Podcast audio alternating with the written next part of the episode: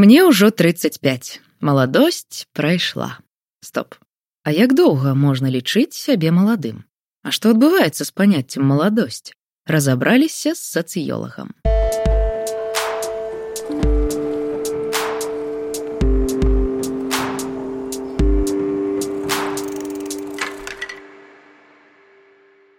Заўважылі, як моцна размыліся ўзроставыя рамкі за апошнія гады. Мы пагаварылі з эксперткай, каб разабрацца, што адбываецца з паняццем маладосць. Ці павялічыўся гэты перыяд і каго зараз можна лічыць маладым. Сіцідок пагутарыў з магістркай сацыялогіі Анастасіяй радзівонавай. Чаму маладосць працягваецца даўжэй? Усе грамадствы імкліва старэюць, а значыць, нормы таго, што лічыць маладосцю, будуць вельмі ссоўвацца. Да якога ўзросту чалавек лічыцца маладым? Хто ўвогуле вызначае гэтыя лічбы? Узроставыя катэгорыі вызначаюцца па розных крытэрыях. І ў кожнай дзяржавы ёсць свае прынцыпы, на якія яны пры вызначэнні гэтых рамак абапіраюцца. Напрыклад, у Беларусі, паводле звестак 2021 года моладдзю лічацца грамадзяне якія не дасягнулі 31 года а ў рассіі людзі да 35 гадоў. Такім жа чынам па розных крытэрыях класіфікуецца і ўзрост старасці. Калі дзяржавы вызначаюць гэтыя паказчыкі яны менш за ўсё глядзяць на нейкія філасофскія ці псіхалагічныя пытанні.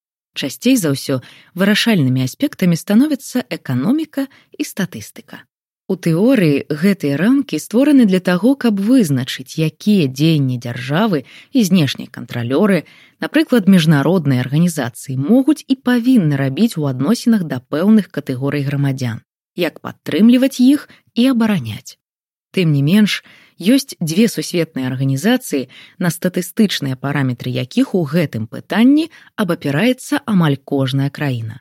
Гэта СААС і ААН традыцыйна людзі да 14 гадоў лічацца дзецьмі з 14 до 18 подлеткамі а моладдзю ад 18 до 25 гадоў. З нядаўніх часоў з'явіўся яшчэ тэрмін young adult малады дарослы. І ў гэту катэгорыю трапляюць усе чый узрост ад 25 до 35 гадоў. На сярэдні ж узрост прыпадае перыяд з 44 до 60 гадоў. А якія паказчыкі акрамя статыстычных вызначаюць узрост. Гэта шматграннае паняцце. І на яго ўплываюць не толькі сацыялагічныя фактары, але і фізіялагічныя, эканамічныя і нават гістарычныя.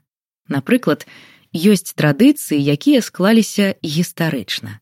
Калі чалавек ідзе ў школу, пачынае працаваць, бярэ шлюб і гэтак далей ёсць і біялагічныя крытэрыі, якія вызначаюць, да якога моманту арганізм чалавека расце, з якога знаходзіцца ў спакойным стане, а з якога пачынае зніжаць сваю актыўнасць.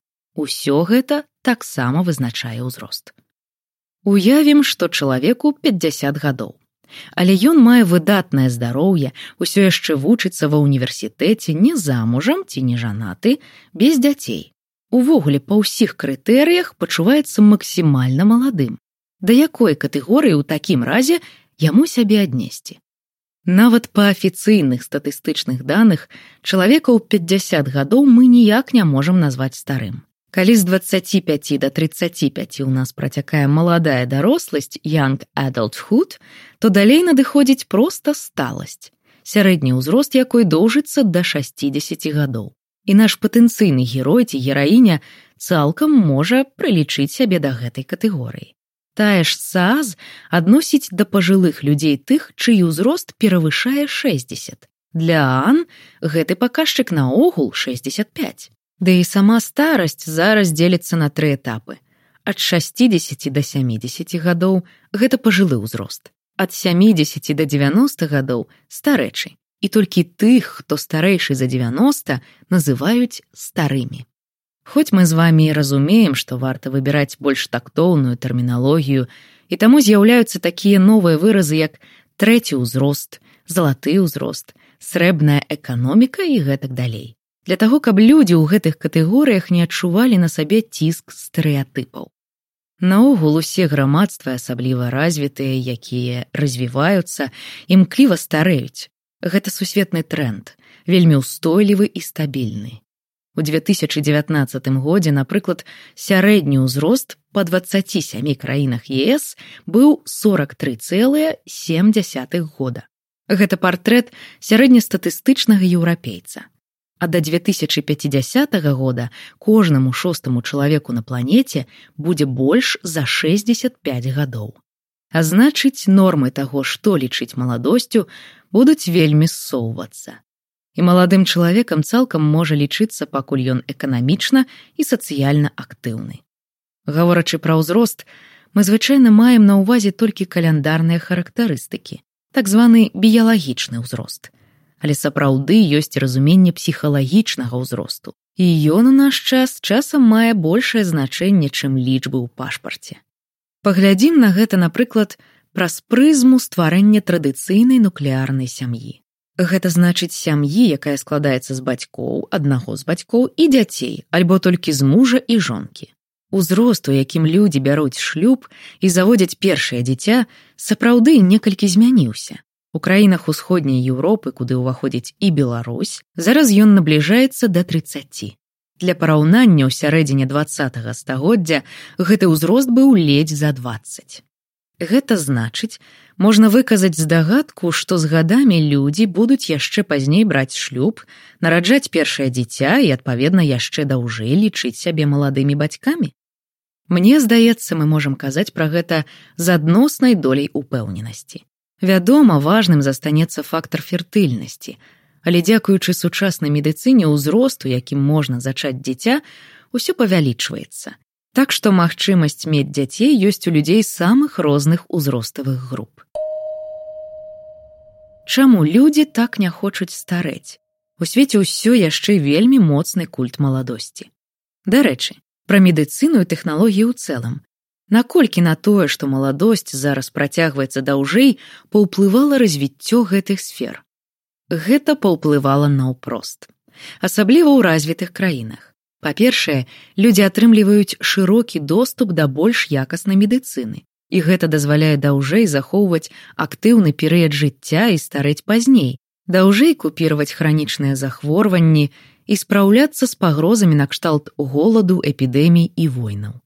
Вядома, ёсць пэўныя непазбежныя біялагічныя фактары, напрыклад, старэнне клетак. І да пажылога ўзросту часта актывізуюцца захворванні, звязаныя з гэтымі працэсамі. Тая ж хвароба альцгеймера. Але сучасная медыцына можа адносна запаволіць і гэта. Па-другое, калі мы гаворым пра тэхналогіі, нельга не згадаць і тое, як яны паўплывалі на адукацыю. Існуе назіранне, паводле якога чым больш грамадства адукаванае, тым пазней людзі ўступаюць у шлюб, заводзяць дзяцей, уваходзяць у фазу прафесійнай актыўнасці і пазней выходзяць на пенсію. Груба кажучы, чым больш мы багатыя і развітыя, тым даўжэй мы жывём і тым больш актыўныя ў свае сталыя гады. Чаму, нягледзячы на тое, што маладосць як быццам працягваецца даўжэй, у грамадстве да гэтага часу стаіць праблема эйджызму. На жаль, гэта пакуль яшчэ мае месца для многіх грамадстваў, дзе доля старэйшага ўзроставага насельніцтва расце. Устойлівасць эйджызму часта звязана з культурай мыслення дзе старэнне разглядаецца праз негатыўную прызму, як быццам гэта пагроза для дабрабыту дзяржавы і цяжар для моладзі. Але рэальнасць мяняецца, і нам давядзецца прыняць, што людзі, якіх яшчэ 20 гадоў таму лічылі пажылымі, цяпер усё яшчэ актыўныя члены грамадства.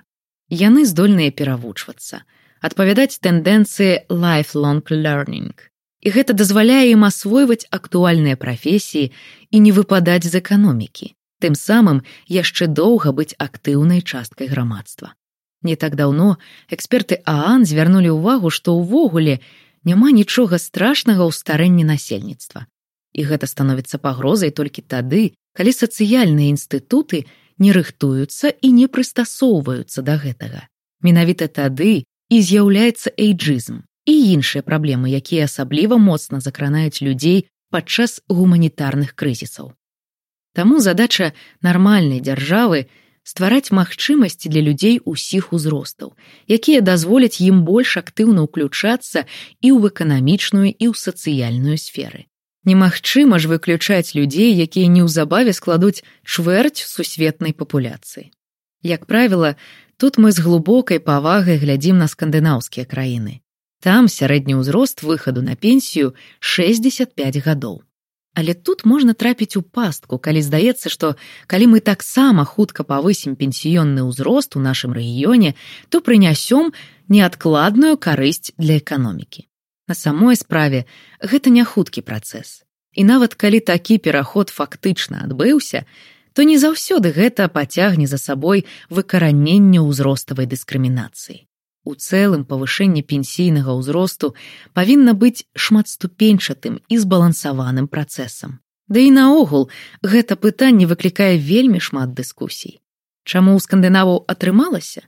Таму што ў іх у прынцыпе вельмі развіты сацыяльныя інстытуты і механізмы на ўсіх этапах, што дазваляе падыходзіць да сталага ўзросту без страху быць выключаным з грамадства і пазбавіцца звыклай якасці жыцця.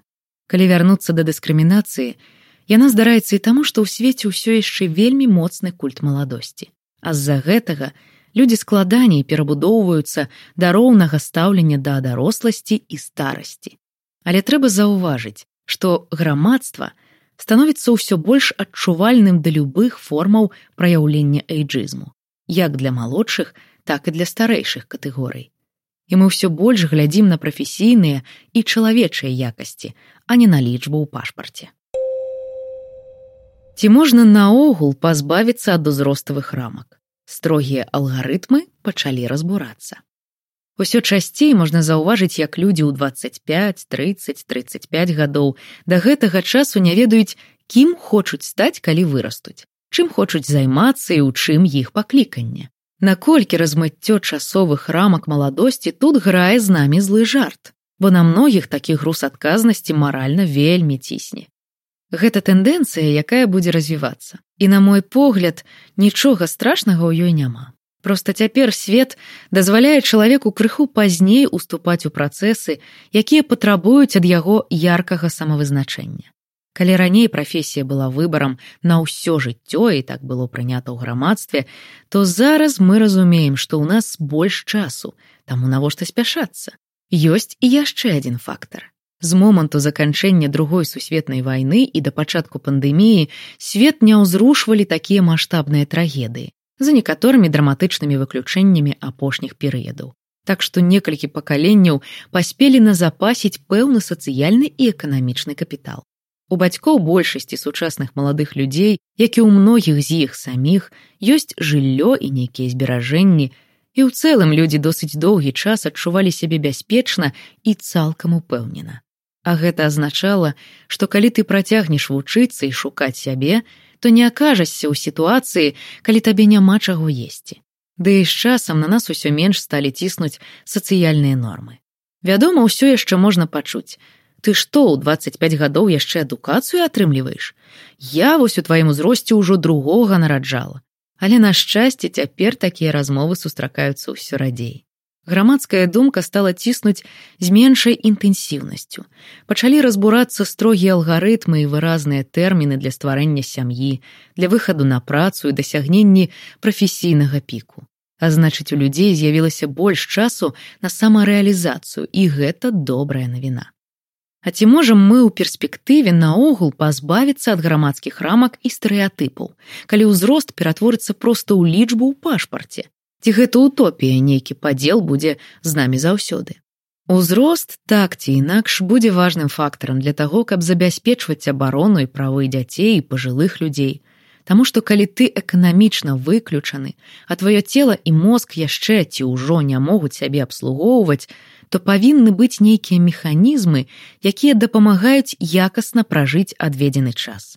Таму нейкія ўзроставыя рамкі будуць і далей неабходныя грамадству.